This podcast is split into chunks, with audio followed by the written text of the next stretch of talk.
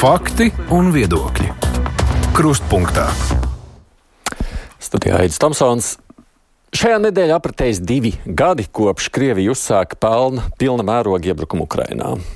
Jāatzīst, laikam pat grūti uzreiz tā novērtēt, cik ļoti tas ir mainījis ne tikai notiekošo starptautiskā arēnā, bet arī mūsu pašus.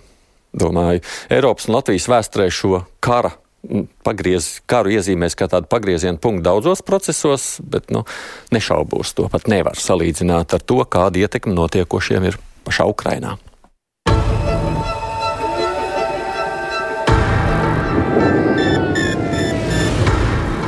Ukraiņai ir jāuzvar, un ar Ukraiņas uzvaru divi gadi kopš Krievijas pilna mēroga iebrukuma Ukrainā.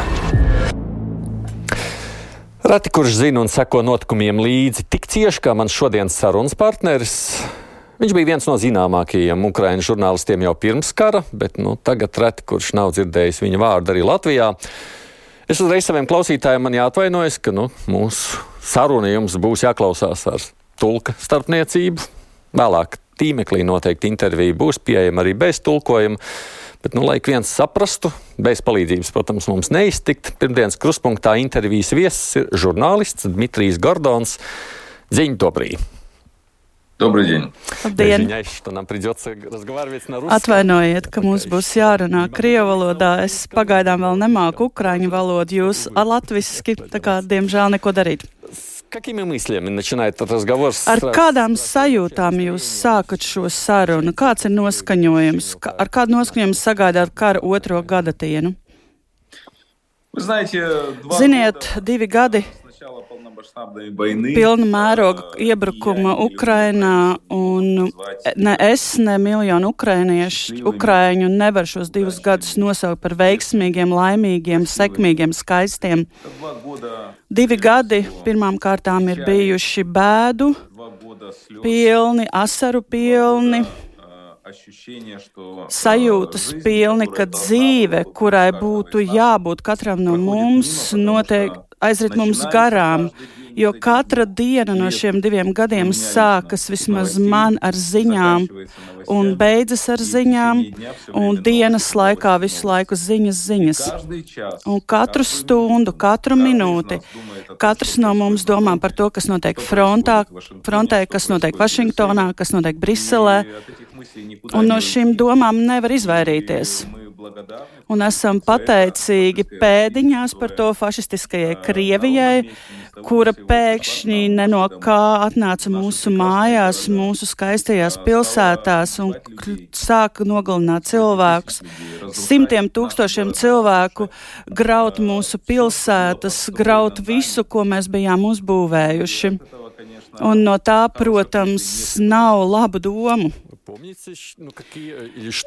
Vai atceraties, ko jūs domājāt? četras, piecas dienas pirms kara sākuma? Piemēram, ir pirmdiena, tā sākās sestdien, vai jūs tiešām domājāt, ka karš sāksies, vai jūs to bijāt sapratis? Tas ir ļoti labs jautājums, jo Jo no septembra beigām, tātad 2021. gada septembra beigām, ASV prezidents Joe Bidenis, uh, premi, apvienotās karalistas premjerministrs Johnsons, centrālās izlūkošanas pārvaldes vadītājs, MI6 vadītājs. Un daudzi ģenerāļi, žurnālisti, sabiedriskie darbinieki rietumos brīdināja Ukrainu par to, ka karš ir neizbēgams. Un ka tas sāksies 16. februārī, tas bija pirmais datums, pēc tam šis datums tika pārbīdīts uz 22. februāri. Es tam neticēju, ja godīgi, vismaz es teikšu, līdz galam neticēju. Jo man prātā neienāca, ka 21. gadsimtā, ka tā bū, ir iespējams iebrukt rupjā, agresīvā veidā citu, citu valstu acu priekšā no vairākiem virzieniem, iebrukt Ukrainā, uzbruktai. Ziniet, pat, pat viskrāšņākajai iztēlē to būtu grūti iedomāties. Kam es ticēju? Es ticēju, ka karš var sākties. Taču, taču man likās, ka Krievi vistic, visticamāk vēlēsies iekarot Donbasu. Man likās, ka karš sāksies austrumu virzienā. Jo kara gada dienā tur bija notikušas 4-5 dienas iepriekš uh, mācības un sanāksmes, un tad notika drošības padomes sēde.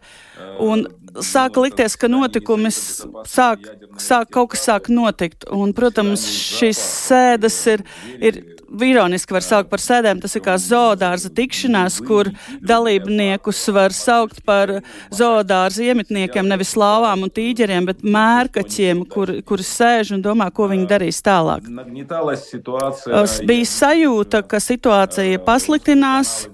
Un Krievu kanāli jau teica, ka Donetskā apšauj, Uk Ukraiņi veic apšaudas, ka bēgļi dodas Krievijas teritorijā. Bija skaidrs, ka kaut kas notiks. Visticamāk, taču 16. nekā nebija. Mēs gatavojāmies 16. februārim. Uh, pēc tam 22., tad 24., 22. gadā. Un es domāju, ka viss sāksies Donbasā, ka tur varētu teorētiski sākties. Neteikšu, ka mēs bijām atslābinājušies. Katrā ziņā vēl 13. februārī es ierakstīju lielu video, kuru noskatījās vairāk miljonu cilvēku, ko es ierakstīju Kīvas ielās, vietās, kas man ir tuvas un dārgas, slimnīcā, dzimtenību slimnīcā, kurā es piedzimu, vietās, kurās es dzīvoju dažādos laikos. Un es pabeidzu šo ierakstu ar to, ka, ka nu, ziņojam Vladimiram Putinam, ka Ukraiņi savas zemes nedos. Mēs cīnīsimies un uz Krieviju dosies zārki, Krievu mātes aizdomājieties, vai jūs gribat sūtīt uh, savus bērnus nokaut šeit. To es ierakstīju šajā 13. februārī 14. ieliku YouTube, un tas viss bija sajūtams gaisā, bija skaidrs, ka kaut kas var sākties. 23. в ночь 23. Naktī no 23. uz 24. februārim mēs ar draugiem sapulcējāmies. Un tur bija diezgan ietekmīgi cilvēki, ļoti ietekmīgi cilvēki. Un lielākā daļa liecās uz to, ka iebrukums būs. Un es saņēmu zvanus no Vašingtonas, un daži mani draugi saņēma zvanus no Vašingtonas, augstu amatu pārstāvošu cilvēku zvanus, kur teica, ka četros no rīta sāksies iebrukums. Mēs izšķīrāmies ar draugiem 24. februāra vienos naktī, tātad agri no rīta, un satika, sarunājām, ka divos pa dienu mēs tiksimies pusdienās. Uh, uzliku modinātāju uz čet, pulksten četriem rītā, kā mums teica. Modinātājs noskanēja, viss bija mierīgi. Bet bez desmit piecos es izdzirdēju divus sprādzienus. Piegāju pie loga, atvēra aizskarus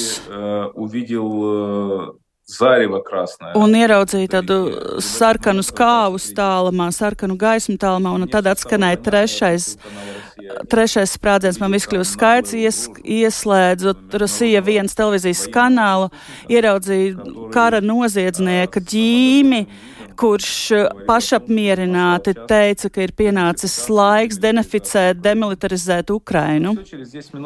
Un pēc desmit minūtēm es ierakstīju uh, runu Ukraiņiem, ko uzreiz ielika YouTube.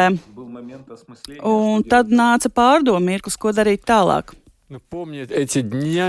Es atceros šīs dienas, to, to laiku pasaulē reti, kurš ticēja, ka Ukraina spēs stāties pretim Krievijai. Jūs šajās pirmajās dienās, vai jūs ticējāt, ka Ukraina spēs stāvēt pretim Krievijai? Ziniet, es dzīvoju ar divā, divām sajūtām. Ar diviem tādiem intuitīviem mirkļiem. Pirmais ir pieredze un analīze, un otrs ir intuīcija. Pieredze un analīze teica, ka mums ir maz izredzu. Intuīcija teica, ka mēs uzvarēsim. Jo nevar būt tā, ka, ka ļaunums šādā agresīvā veidā varētu uzvarēt. Pirmajos, pirmajās stundās un dienās bija skaidrs, ka mums ir jāuzvar, bet nebija saprotams par kādu cenu un, un kur apstāsies Putins, kur apstāsies Krievija un kur tālāk būs Ukraina. Tas nebija skaidrs. Es sazinos ar mūsu valsts eliti, gan politikas, gan citu jomu, un ne tikai mūsu valstī. Un sarunas bija par to, ka cilvēki lielākoties sliecās. Ukraina, dai Bog. Ka Ukrainai jā, jāpaliek vismaz Kīvā, dod do Dievs, bet vispār, ka tā robežies pat Dņipro. Bet sliktākais scenārijs, ka mums paliks tikai rūtami, rietumi Ukraina. Un no, šī patiesība nav jāslēp. Mēs tiešām nebijām gatavi šādam iebrukumam. Jo visos līmeņos mums teica, ka, ka kara nebūs Очень высокие Un украинские augsti чиновники stāvoši говорили, Ukrāņu нет, ie- ierēģi man privātās sarunās teica, kāds karš. Baidens un Putins te kaut ko spēlēja ar mums, un tā tiešām А я bija. вообще считаю, что надо говорить всегда правду. Un es vispār uzskatu, ka vienmēr jāsaka patiesība. Tā ir vieglāk dzīvot. Значит, э, я вчера буквально с Tad друзьями vakar э, мы Ar разговаривали, draugiem я mēs говорю, runājām, un es teicu, какое счастье, kāda laime, ka mēs varam būt Kijivā un runāt, sēžot pie galda, skatīties viens otram acīs. Jo tas ir brīnums, ka mēs esam Kīvā. Kīvā Un, jo, un tas, ka mēs esam dzīvi, arī brīnums. Tas ir brīnums. Jo, protams, pēc notikumu loģikas un pēc tā, kā tie attīstījās, э, divās stundās Kīvai būtu jābūt sagrābtai. Nevis pat trijās dienās, bet kad divās dienās tam būtu jābūt notikušam. Es zinu šo plānu. Tas bija vienkārši plāns, tajā nebija nekā jauna. Pietiek atcerēties Prāgas iekarošanu un padomu tanku ieviešanu Čehijā 68. gadā, lai saprastu, kā tas bija domāts, kā tam būtu bijis jābūt. Tas bija vienkāršs princips.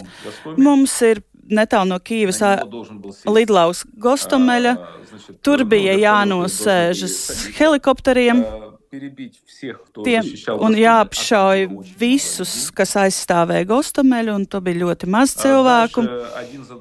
Un tālāk uh, cits pēc cita būtu sēduši, sēdušies, ka- sēdušās kara lidmašīnas ar desantniekiem, ar, ar tehniku. Viņi patiesībā, da, tie jau paši, patiesībā daži bija gaisā.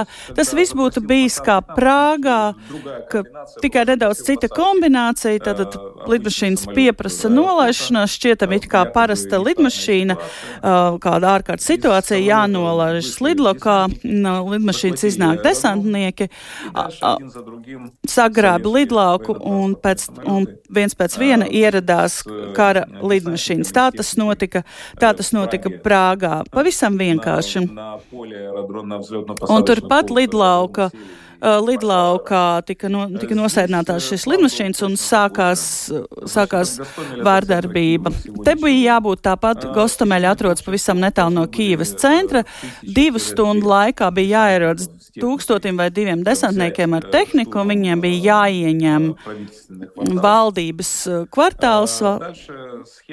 Un tālāk schēma bija diezgan vienkārša. Bija divi varianti. Pirmais variants - visi deputāti, uz tiem jau tika tēmēti ieroči, un katram tika, katram tika pievienots kāds cilvēks, kurš viņus sadzina, sadzītu noteiktā telpā, līdzīgi kā savulaik Krimā. Bija svarīgi, ka, ka deputāti ierodas augstākās radas zālē. Jo Putinam patīk, ka vi- pa- papīri ir kārtībā. Šiem deputātiem būtu jāierodas zālē, augstākajā radā, un viņiem būtu jānobalso par šādu dokumentu. В течение Trīs mēnešu laikā visas valdības un esošās varas pārvēlēšanas. Ukraina atsakās no Donbass un Krīmas. Otra valsts valoda - Krievu. Ukraina atsakās no iestāšanās NATO un Eiropas Savienībā un vēl viss kaut kas cits. Turpat tiktu ievēlēts jauns, jauns spīkers Medvičuks. Un šim dokumentam būtu jānāk jānonāk parakstam, parakstīšanai prezidenta Volodimiram Zelenskim, bet tur ir divi varianti. Ja Zelenskis būtu nogalināts vai nošāvies vai aizbēdzis, Vai varbūt vēl kaut kas būtu noticis, kāds negadījums ar viņu? Tad bija sagatavots jau, Gomeļā jau bija sarunāta Ukrainas un Baltkrievijas robežā, bija jau aizbēgušais prezidents Janukovičs.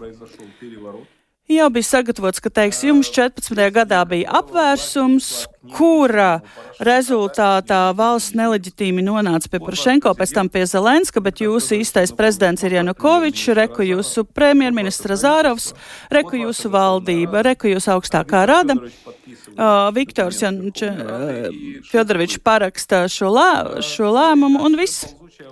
Un tālāk būtu šī okupācija visā Ukrainā. Tāds scenārijs mums bija sagatavots, un tas ir brīnums. Un šo brīnumu veido trīs daļas. Pirmā daļa ir Ukrainas armijas varonība un izturība, Otrā daļa, lai arī ar nokavēšanos, bet ASV, apvienotās karalistas, Eiropas palīdzība, Baltijas valsts palīdzība, Polijas palīdzība, kas, kas sniedza milzu palīdzību Ukrainai. Un trešā daļa - hauss Krievijas armijā milzu nekārtība, nekaunība. Viņi taču laida ko, tehnikas kolanas visās virzienos uz Krieviju. Tad tas, ko būtu darījuši desantnieki, tika papildināts ar tehnikas kolonijām, bet tā kā viņiem bija sausā pārtika tikai trim dienām un parādas formas viņu somās, lai pēc tam dotu, dotos pa Krešķatiku parādas, parādē, viņi bija pārliecināti ka, ka, ka Putinu ir pārliec, viņi bija pārliecināti, ka te viņus sagaidīs ar maizi un sāli, visi Ukraiņi viņus gaida, bet patiesībā jau bija pavisam citādi. Jo cilvēki gados meta pa tankiem kokt, molotovu kokteļus, degvielas uz, uzpildes stacijas Stacijās tika apturēta darbība, darbība un viss šīs vecās tehnikas, šī grau, tehnikas grausti apstājās un nespēja turpināt savu ceļu. Un šis, šī, šis krievu bardaks, šī nekārtība mums patiesībā nospēlēja par labu. Un tālāk, protams, viņi veica kļūdu labojumu. Viņi tagad kļūdās daudz retāk, bet tolaik bija šādi. Nu, вот прошло два года. Un ir pagājuši помню, divi gadi. Es atceros, vēl pēc ga pirms gada mēs runājām, kad bija pirmā gada diena. Un tad vēl bija pietiekami optimistisks noskaņojums par to, kāda būs nākotne. Reku pirmais gads, pietiekami veiksmīgs, izturējām, ejam jau tā kā pretējā virzienā, bet tagad arī Latvijā es dzirdu diezgan pesimistiskas notis, ka cilvēki saka, ka iestājusies, domā, ka ir iestājusies tāda krīze, vai tiešām tā ir. Jūs arī jūtat šādu, šādu krīzi?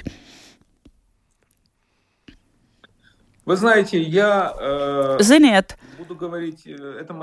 es teikšu savu viedokli. Es vispār esmu optimists pēc savas dabas. Uh, Otrkārt, es cenšos domāt racionāli un sistēmiski, un teikšu bez liekiem, liekām metaforām, mājieniem. Rietumiem ir jāsaprot, ko rietumi vēlas. Ja rietumi vēlas, lai Ukraina neuzvar un Krievija nezaudē, tas ir viens. Un pagaidām es redzu šādu scenāriju, ka rietumi baidās no Krievijas. Un kā tad, kā tad Krievija? Krievija nedrīkst zaudēt. Tas man atgādina 91. gadu, kad prezidents Bušs un premjera Tečera bija atbraukuši Kīvā, un viņi teica, nu ko jūs, padomju savienība taču nevar sabrukt, nedrīkst, tā, tā taču ir ātoma enerģijas kodolieroču valsts, mēs nefo, neforsējiet, notikums nevajag. Bet pēc tam padomju savienība nevis vienkārši izjuka, bet sabruka. Un kad sapulcējās cilvēki Belavēžā, un viņi taču nebija ieradušies izjaukt padomju savienību. Es zinu šo stāstu kā savus piecus pirkstus, jo seši cilvēki, kas bija iesaistīti šajā aktā, man stund, stundas ilgas intervijas deva pat vairākas reizes. Es domāju Ukrainas pirmo prezidentu Leonidu Kravčuku, pre, premjerministru Fokinu, Krievijas valsts sekretāru Burkulisu, augstākās radas priekšstādāta Baltkrievijā Šuškeviču, kas speciāli bija pie manis atbrauc, un Burgu, Burkulis bija atbraucis pie manis, lai sniegtu lielas intervijas. Un, protams, es domāju arī Mihailu Gorbačovu, kurš man daudz stāstīja, un Aleksandru Koržakovu, kurš vadīja pre, Krievijas prezidenta Jēķina apsardzi. Viņš tur bija klāt, viņš visu redzēja. Viņi tur neatbrauca, lai izjauktu Padomju Savienību. Viņiem nebija tādas domas. Padomju Savienība jau bija nokalpojusi, jau nu, kā forma, kā esības forma. Tas jau bija, Padomju Savienība jau bija nolemta. Un tā šis projekts bija izgāzies, un nav iespējams, ka 70 gadu laikā Padomju Savienībā, ka tolts papīrs ir deficīts, ka rūtiņa burtnīca ir deficīts, des ir deficīts. Tas nav iespējams, tā ir izgāšanās, sākotnējās idejas sistēmas izgāšanās. Turklāt desmit miljonu nogalinātu cilvēku Padomju varas 70 gadu laikā.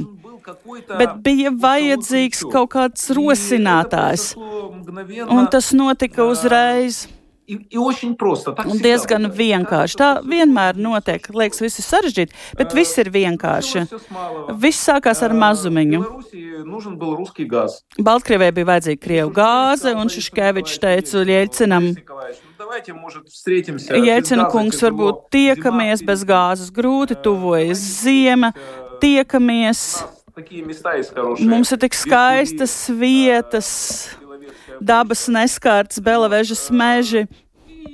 Un Jelcins saka, jā, tiekamies. Kāpēc ne? Viņi sat, nolēma satikties, un, un 1. decembrī Ukrainā notiek referendums, kur Ukraiņi balso par neatkarību. Tas ir 90% nobalso par to.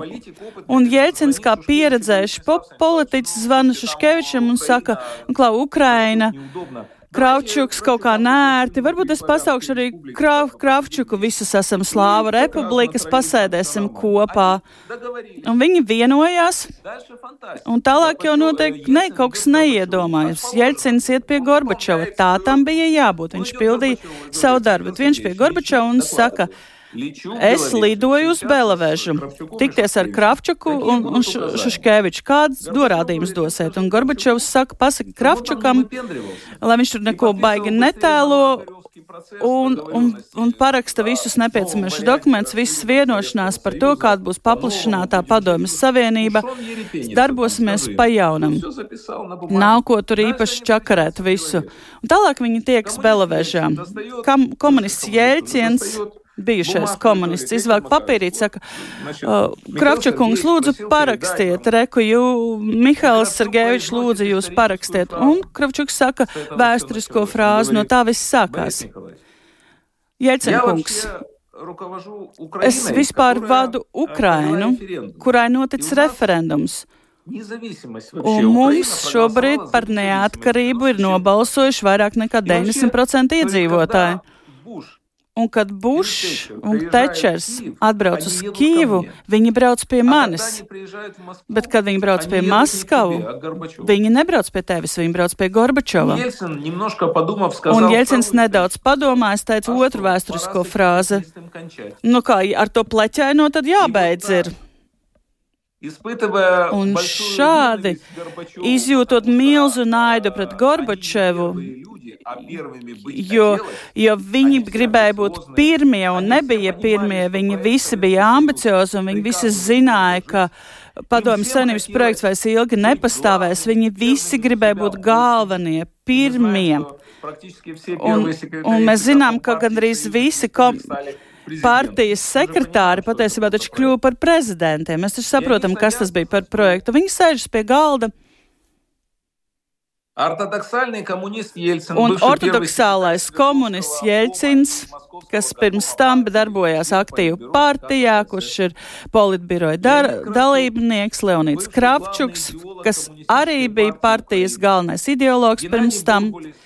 Genādijs Burbulis, kas iepriekš bija marksisma leņin, leņinisma katedras docētājs, viņi sēžas pie galda, un Kravčuks un Burbulis ar savām rokām raksta raksta, nā, nā, paraksta nāves sodu padomjas Savienībai, un neviens cilvēks no tiem daudzajiem miljoniem komunistu VDK pārstāvi, po, milic, mili, miliču, dažādu nodevēju, neviens neizgāja ielās, lai protestētu pret to. Un, un 91. gada 25. decembrī.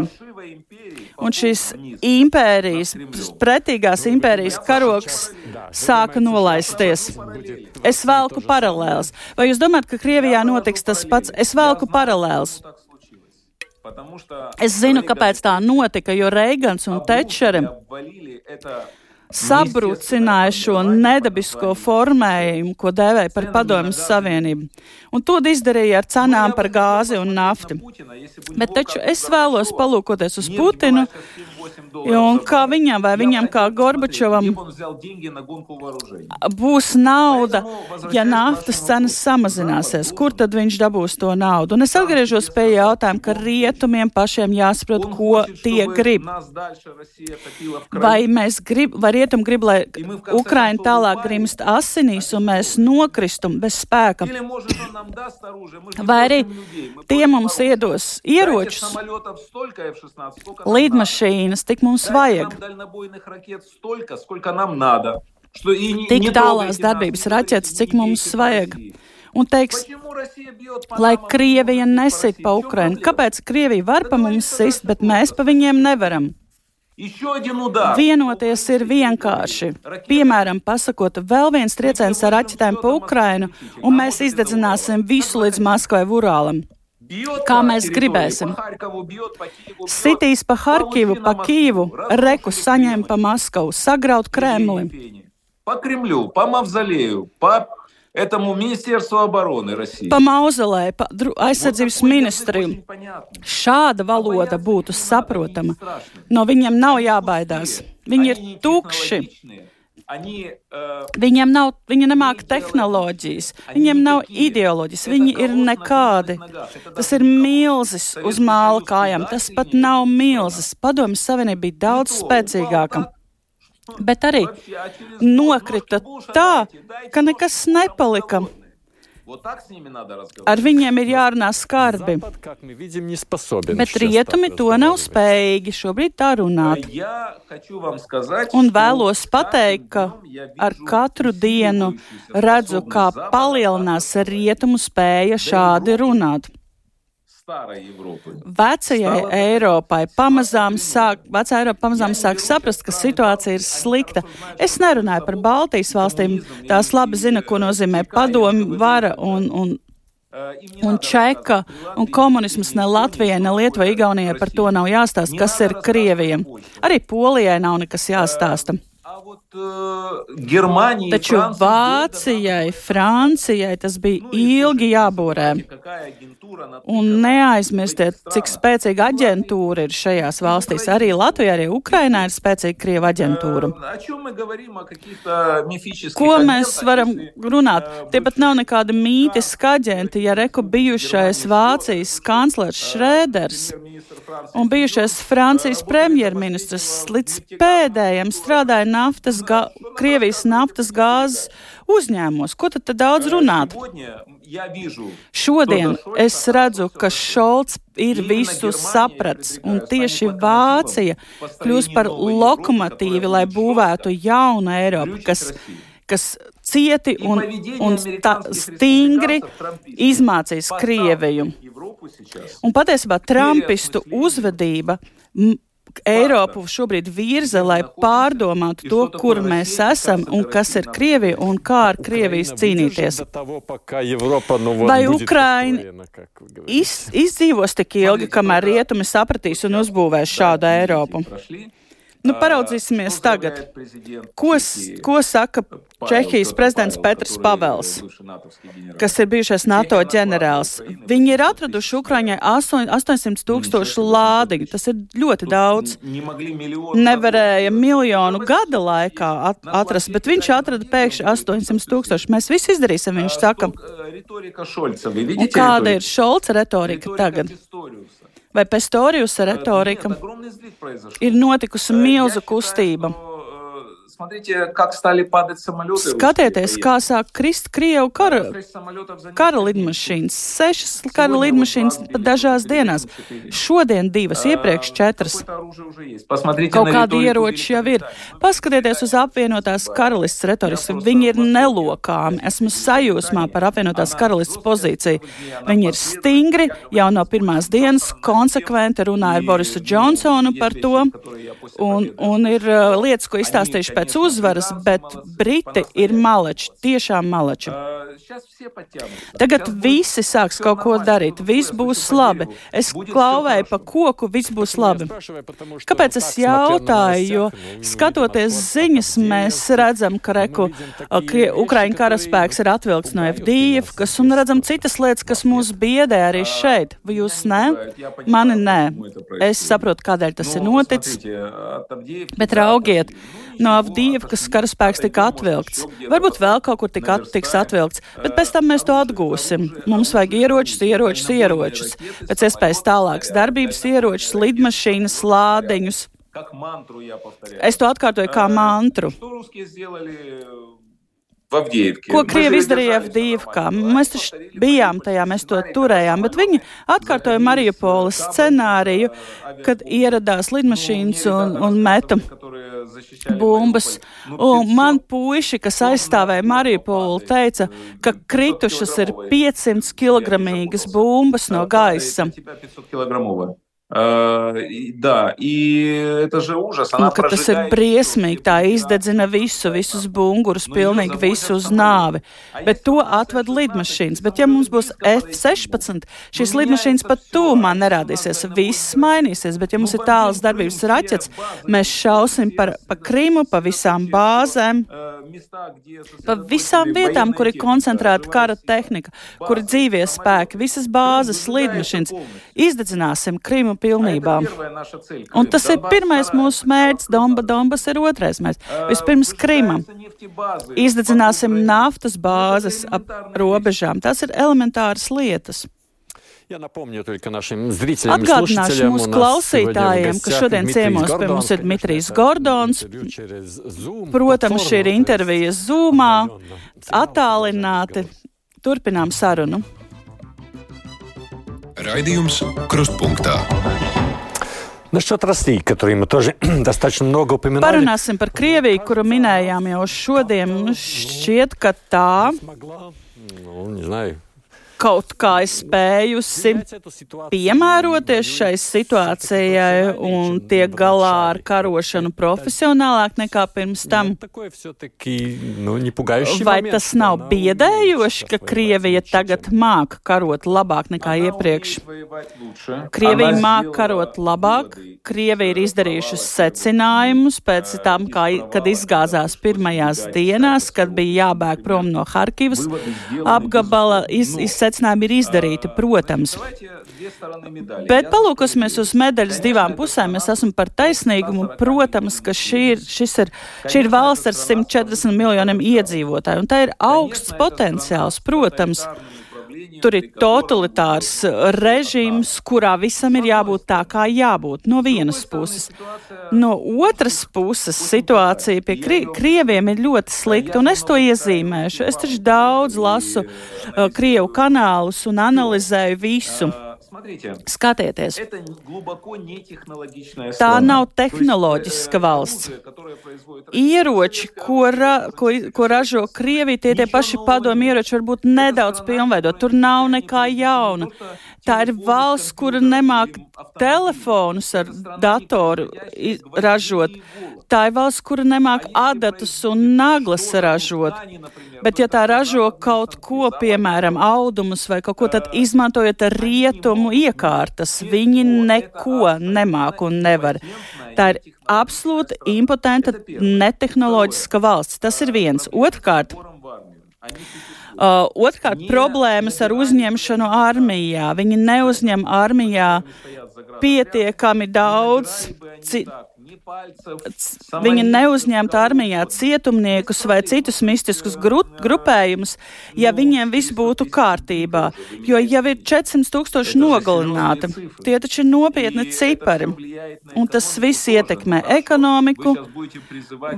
Labi, jūs varbūt iesauksiet tagad cilvēks, bet kas notiks ar ekonomiku? Būs vēl lielāks problēmas. Un viss, kas šķiet, ka, ka viņi izmantoja, piemēram, savas priekšrocības Turcijā vai Emirātos, bet arī Turki ar viņiem vairs negrib nekā kopīga. Arī apvienotā Arābu Emirātu bankas vairs negrib nekā kopīga ar Krievu bankām un atsevišķām personām, jo tiek ievadīts dažādi, tiek rosināts dažādas sankcijas, kad ASV saka, ja jūs ar viņiem sadarbosieties, jums būs darīšana ar mums, tāpēc cilvēki Emirātu bankās saka, no Krieviem iegošu tik, bet no amerikāņiem zaudēšu tik, ko man darīt? Protams, ka es izvēlošos amerikāņus, tā kā viņiem labāk tie ir biznesa cilvēki. Turklāt šis, ši, šis netehnoloģiskais aspekts ļoti slikti ietekmē Krieviju, jo vēlreiz saku, drīz sāks krist civilās lidmašīnas Krievijā, jo nav detaļu, nav rezerves daļu. Tehnisko apkalpi veids nespeciālisti, un viss vienkārši tiek darīts nepareizi, un viņiem nav speciālistu un viņiem ir arvien vairāk ārkārtas situāciju un negadījumu. Dienā pat ir viena vai divas, kad, piemēram, civilajām lidmašīnām nedarbojas dzinēji vai nevar pacelt šasīs un tā tālāk. Problēmas arī ekonomikā. Viņi saka, ka mums auga ekonomika. Protams, jo jums trīs maiņās strādā kara rūpnīca, bet tā taču nav tā ekonomika. Jūs vienkārši sildāt IKP, bet tā nav īstā ekonomika. Manuprāt, viss, protams, Krievija, ņemot vērā tās potenciāli, kas ir uzkrāts, pateicoties naudai, kurai, kura, kura tā ir, bet tā arī daudz tera, tā var izvilkt divus gadus. Bet, ja rietumi darbosies izlēmīgāk, šogad tie varētu atrisināt visus jautājumus. Es atkārtoju, jautājums var izsināt vienkārši. Iedodiet Ukrainai visu nepieciešamo apbruņojumu, ko Ukraina jaucā. Jautā, mums nevajag karavīrus, mums vajag lādiņus, lidmašīnas F-16 un tālās darbības raķetes. Trīs pozīcijas. Смерть Навального, что вы думаете об этом? Ko jūs domājat par Navaļņie nāvi? Nu, я думаю, что это тоталитарный режим, это es domāju, ka šajā totalitārajā režīmā notiek tīrīšana. Protams, ka viņu nogalināja, pat ja viņu nenogalināja speciāli.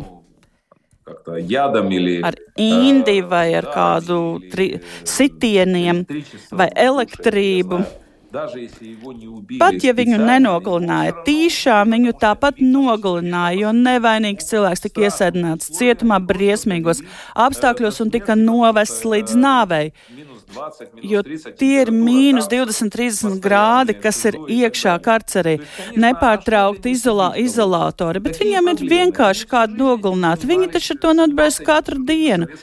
Visu katru dienu to nodarbojos padomjas Savienību nogalinot savus uh, ienaidnieks. Un Krievija ir pārņēmusi safetu, vai tad Polit Politkovskaja, Starabotova Boris Ņemcovs, Navaļņīs, Litviņenko, te varētu stundām uzskaitīt cilvēks, kas tika nogalināti. Viņi ar to nodarbojas profesionāli. Protams, Navaļņīs bija tāds pēdējā, pēdējā tāda opozīcijas cerība. Cit, citi ir pārsvarā izspiesti ārzemēs, tādi darbojas lokālāk, bet Putins nodarbojas ar to, ko dara. Jūs nereizi vien esat intervējuši Solovēja kungu, kurš vispār saka, ka Putins ir nomiris, beigts. Kāpēc jūs to darāt, vai jūs pats tam ticat? Es pats tam neticu. Un to es arī saku Solovējam intervijā tieši, jo es tam neticu. Es Putina nāvei neticu, Putina dubultniekiem es neticu. Es uzskatu, ka tas vienmēr ir viņš, un, un tur, kur viņa filmē, ir viņš, un tur, kur viņš kaut ko saka, ir viņš. Profesors Solovejs, kuram es esmu vairākas reizes jautājis, jūs tādas lietas runājat, un ja jūs viens nav iesaidinājis vai nogalinājis, jūs dzīvojat Maskavā, kā tas, kā tas var būt? Viņš saka, ka viņu aizsargā varena organizācija, un es domāju, ka tā varena organizācija ir Krievijas drošības dienests. Iespējams, ka viņiem šī bauma, šis baumas ir vajadzīgs par to, ka Putins ir miris. Ko es domāju? Kad man ir miljoni skatītāji, kuri skatās Solovēja interviju, tostarp miljoni Krievu, un kuri domā, ka Putins ir miris, tas viņos rada kaut kādu neusticēšanos valstī. Vai tas ir izdevīgi Ukrainai? Jā. Un kur tas ir izdevīgi Ukrainai, tur es darbojos. Хочу спросить насчет коррупции. Vēlos pajautāt par, Ukra par korupciju Ukrainā. Arī šeit mēs par to dažkārt dzirdām, ka tas ir viens no iemesliem, kāpēc arī rietumos ir, ir varbūt tāda aizskavēšanās dot ieročus Ukrainai. Kāpēc tā joprojām ir problēma pat kara laikā Ukrainā? Es nekad nebūtu domājis, un dažkārt man liekas, ka es esmu idiots. Atkal tu atzīšos tajā, ka esmu izrādījies idiots. Nekad nebija domājis, ka, ka vislielākie nekauņas, kas atrodas savos amatos, kas ir saistīti ar iepirkumiem, ieroču iegādi, ka viņi kara laikā spēs joprojām piepildīt savas skabatas, nedomājot par karu, nedomājot nedomājot par mūsu puišiem, kas mirs, man tas prātā nebūtu ienācis. Bet tas ir fakts. Mums Ukrainā joprojām ir diezgan plaša Krievijas aģentūra. To cenšas iznīdēt. Viņus ķer, viņus, viņu, viņus tiesā, bet viņu ir tik daudz ka, bet es gribu pateikt arī, ka latviešiem Latvijā arī viņu ir daudz. Tas ir pirmais. Otrkārt, mums, pie mums ir korupcija, to starp arī militārajā jomā.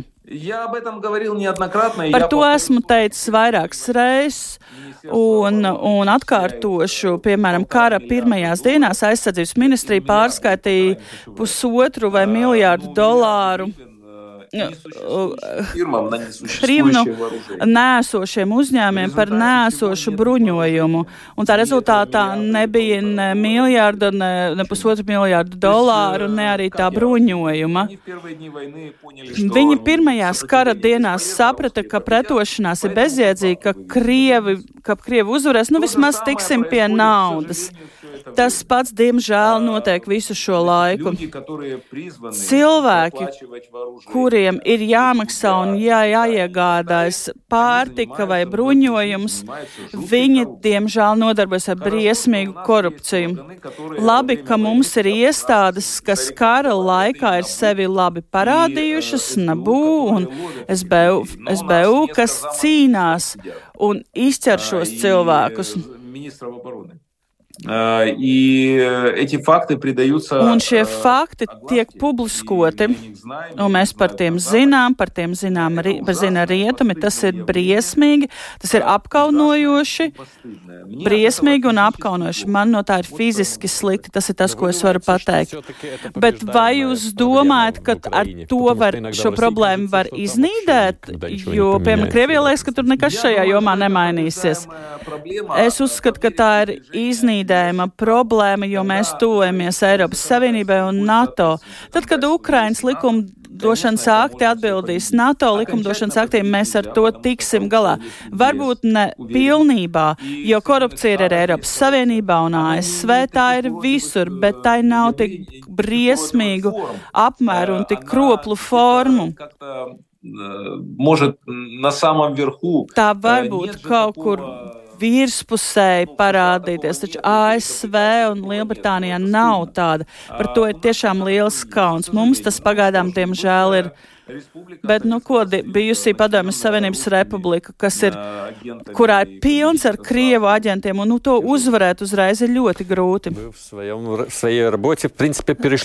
Savā darbā esat pārgājuši uz ukraiņu valodu. Ja kādreiz es jūs vairāk klausījos Krievu valodā, tad tagad tas pārsvarā ir ukraiņu valodā. Просто вопрос, зачем? Kāpēc jūs tā darāt? Nu, vaša, это, ну. это не так. Tā это īsti nav. Я, у меня принцип такой. Man ir šāds princips. Es jau no bērnības runāju krievu valodā. Krievu valoda ir mana valoda. Ukraiņu valoda ir mana otra valoda. Es brīnišķīgi runāju ukraiņu valodā, lasu ukraiņu valodā. Un bērnībā pat skolās ukraiņu valodas olimpiādēs Kīvā es uzvarēju. Es runāju krieviski ar tiem, kuri saprot krieviski, es runāju ukraiņiski ar tiem, kuri, runā, kuri grib runāt ukraiņiski. Man nav nekādu kompleksu šajā jautājumā, un ja man ir intervija ar ukraiņu sarunbiedru, es ar prieku sāku runāju ukrainiski, bet vienlaikus es saprotu, ka taģiki, kazahi, latvieši, igauņi nesapratīs šo sarunu, tāpēc labāk ir runāt krievalodā, lai mani saprastu un lai mūs vairāk cilvēku saprastu pa visā pasaulē. Man krievu valoda nav valoda, ko ir privatizējis Putin, Putins. Tas nav krievu faš, tā nav krievu fašisma valoda, tāpat kā vācu valodu neprivatizēja Hitlers un vācu fašisms. Tās ir lielas valodas, lielas kultūras, gan vācu, gan krievu. Man ir žēl, ka ka lielā krievu kultūra nespēja cilvēc, nespēja cilvēciskot lielāko daļu fašistisko krievu. Ko man nozīmē valoda? Valoda ir divas funkcijas. Tas ir, tas ir komunikācijas rīks un informācijas saņemšanas rīks. Un krievu valoda man dod gan iespēju vairāk sazināties ar cilvēkiem. Ja es runātu ukraiņu un jūs latviešu valodā, mēs nesaprastu viens otru. Un krievu valoda man arī ļauj saprast informāciju. Ukraiņu valoda nedod man tik daudz informācijas, cik man dod krievu valoda. Bet atkal, es esmu pret valodas politizēšanu, jebkuras valodas. Esmu par to, lai Ukrainā būtu tikai viena valsts valoda, ukraiņu. Esmu par to, lai visi zinātu ukraiņu valodu un lai visas valsts funkcijas tiktu nodrošināts va ukraiņu valodā. Tā ir mūsu identifikācija, bet ikdienā sadzīvā es vēlos runāt krievu valodā, jo tā ir valoda, ar kurā es runāju no agras bērnības. Mana mīļā pilsēta Kīva manas bērnības laikā bija par 90% krieviski runājoša pilsēta, un nav, ta, un nav taisnība, ja kāds saka, ka tā nav taisnība. Un es jums pateikšu vēl vairāk, ka fašistiskās Krievijas agresijas laikā Krievijā, Kīvā puse procentu runā krieviski, bet varbūt arī pat vairāk, 60, 70. Nepārspīlēsim. Sarunas nozīme not vienā vai otrā valodā. Kad bija kara pirmā gada diena pirms gada, pie mums viesojās Aristoviča kungs. Un es skatījos, ka jūs vispirms pret viņu attiecāties skeptiski, pēc tam esat pat tiešraidē atvainojies. Nē, nē, es neatvainojos. Es neatvainojos. Es teicu, ka Kad es biju slikti noskaņots pret viņu, es biju kļūdījies. Tā nav atvainošanās, tā ir kļūdas, kļūdas atzīšana, tas ir dažādas lietas. Un tagad es pret viņu attiecos labi, tā es teicu 22. gada vasarā. Taču vēlos pateikt, ka Aleksis Aristovičs ir, ir bijis nozīmīgs, pozitīvi nozīmīgs persona šajā karā. Jo, kad miljoni ukrāņi bija uz histērijas robežas un daži uz pašnāvības ro robežas, neprāta robežas, Arestovičs ar savu mierīgo monotono balsi par to, ka, ka divas, trīs nedēļas un mēs uzvarēsim. Viņš cilvēkiem deva cerību, viņš cilvēkiem ļāva izplest plecus. Tā bija augsta līmeņa psihoterapija, un es labi pārzinu psihoterapiju. Viņam bija milzu loma tajā, lai nomierinātu cilvēks, kas atradās ārkārtas, ārkārtīgas stresa apstākļos. Tā, tas ir viņa vēsturiskais nopelns, un es vienmēr viņu par to uzslavēšu un teikšu paldies par to, ka viņš to izdarīja. Tagad man daudzi viņa paziņojumi man nav saprotami un raisa neizpratni. Varbūt viņš kaut ko zina, ko nezinu, es, es nezinu. Tā jūs ar to, pret to attiecaties. Mums ir palikušas divas, trīs minūtes, bet skatoties tagad, kā jums šķiet, kas mūs sagaida? Nu tā realistiski, kā tas viss attīstīsies tālāk? Es esmu optimists.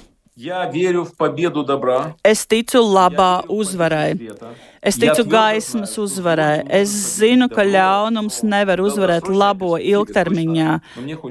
Un man gribas, lai tā, tas būtu pēc iespējas ātrāk, lai tas notiktu īsākā termiņā, lai labais uzvar.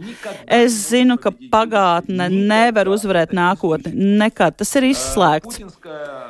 Putina briesmīgā fašistiskā Krievija tā ir pagātnē. Tas ir vecais nokalpojuši, vecā nokalpojušā padomu, padomas savienība ar to trulumu, ar to aparātu, ar to anticilvēciskumu, pretīga valsts, kurā es arī esmu kādreiz dzīvojis līdz pat 23 gadu vecumam. Bet es nicinu šo valsti. Es nicinu par to, kādu genocīdu tā velti virzīja saviem iedzīvotājiem. Tā ir padomus savienības atrauga, un šādā veidā tā nevar ilgi pastāvēt. Bet man ļoti, ļoti gribas, lai rietumu civilizācija saprastu, ka, ja tā nepalīdzēs gaismai uzvarēt tumsu, tā pati riskē ar iekrist tumsā. Jo ar šo tādu panākumiem ap, apreibināti Krievi var doties Eiropas virzienā. Ja Ukraina nedod Dievs zaudēs, jūs ieraudzīsiet Krievu tankus pie sevis. Bet vai jūs pieļaujat šādu domu vispār? Jā, protams, bet vai jūs pieļāvāt domu, ka viņi dosies šādā veidā ar visu savu varenību Ukrainā? Kas viņiem traucē doties uz Latviju? Bet vai jūs pieļaujat domu, ka Ukraina varētu, nes, varētu zaudēt? Nu, ja ASV un Eiropa pārtrauks palīdzēt Ukrainai finansiāli un ar bruņojumu, kur tad Ukrainai būs finanses un apbruņojums? Nu, tad, ko, ko tad, tad viss? Es esmu reālists, es saku, kā ir. Es taču nerunāju lozungiem un kaut kādiem tādiem slapjiem sapņiem. Es saku par to, to kā ir. Ja man nedos ēdienu desmit dienas, es nomiršu bez ēdiena un bez ūdens. Bet rietumu palīdzība Ukrainai šobrīd ir ūdens un pārtika.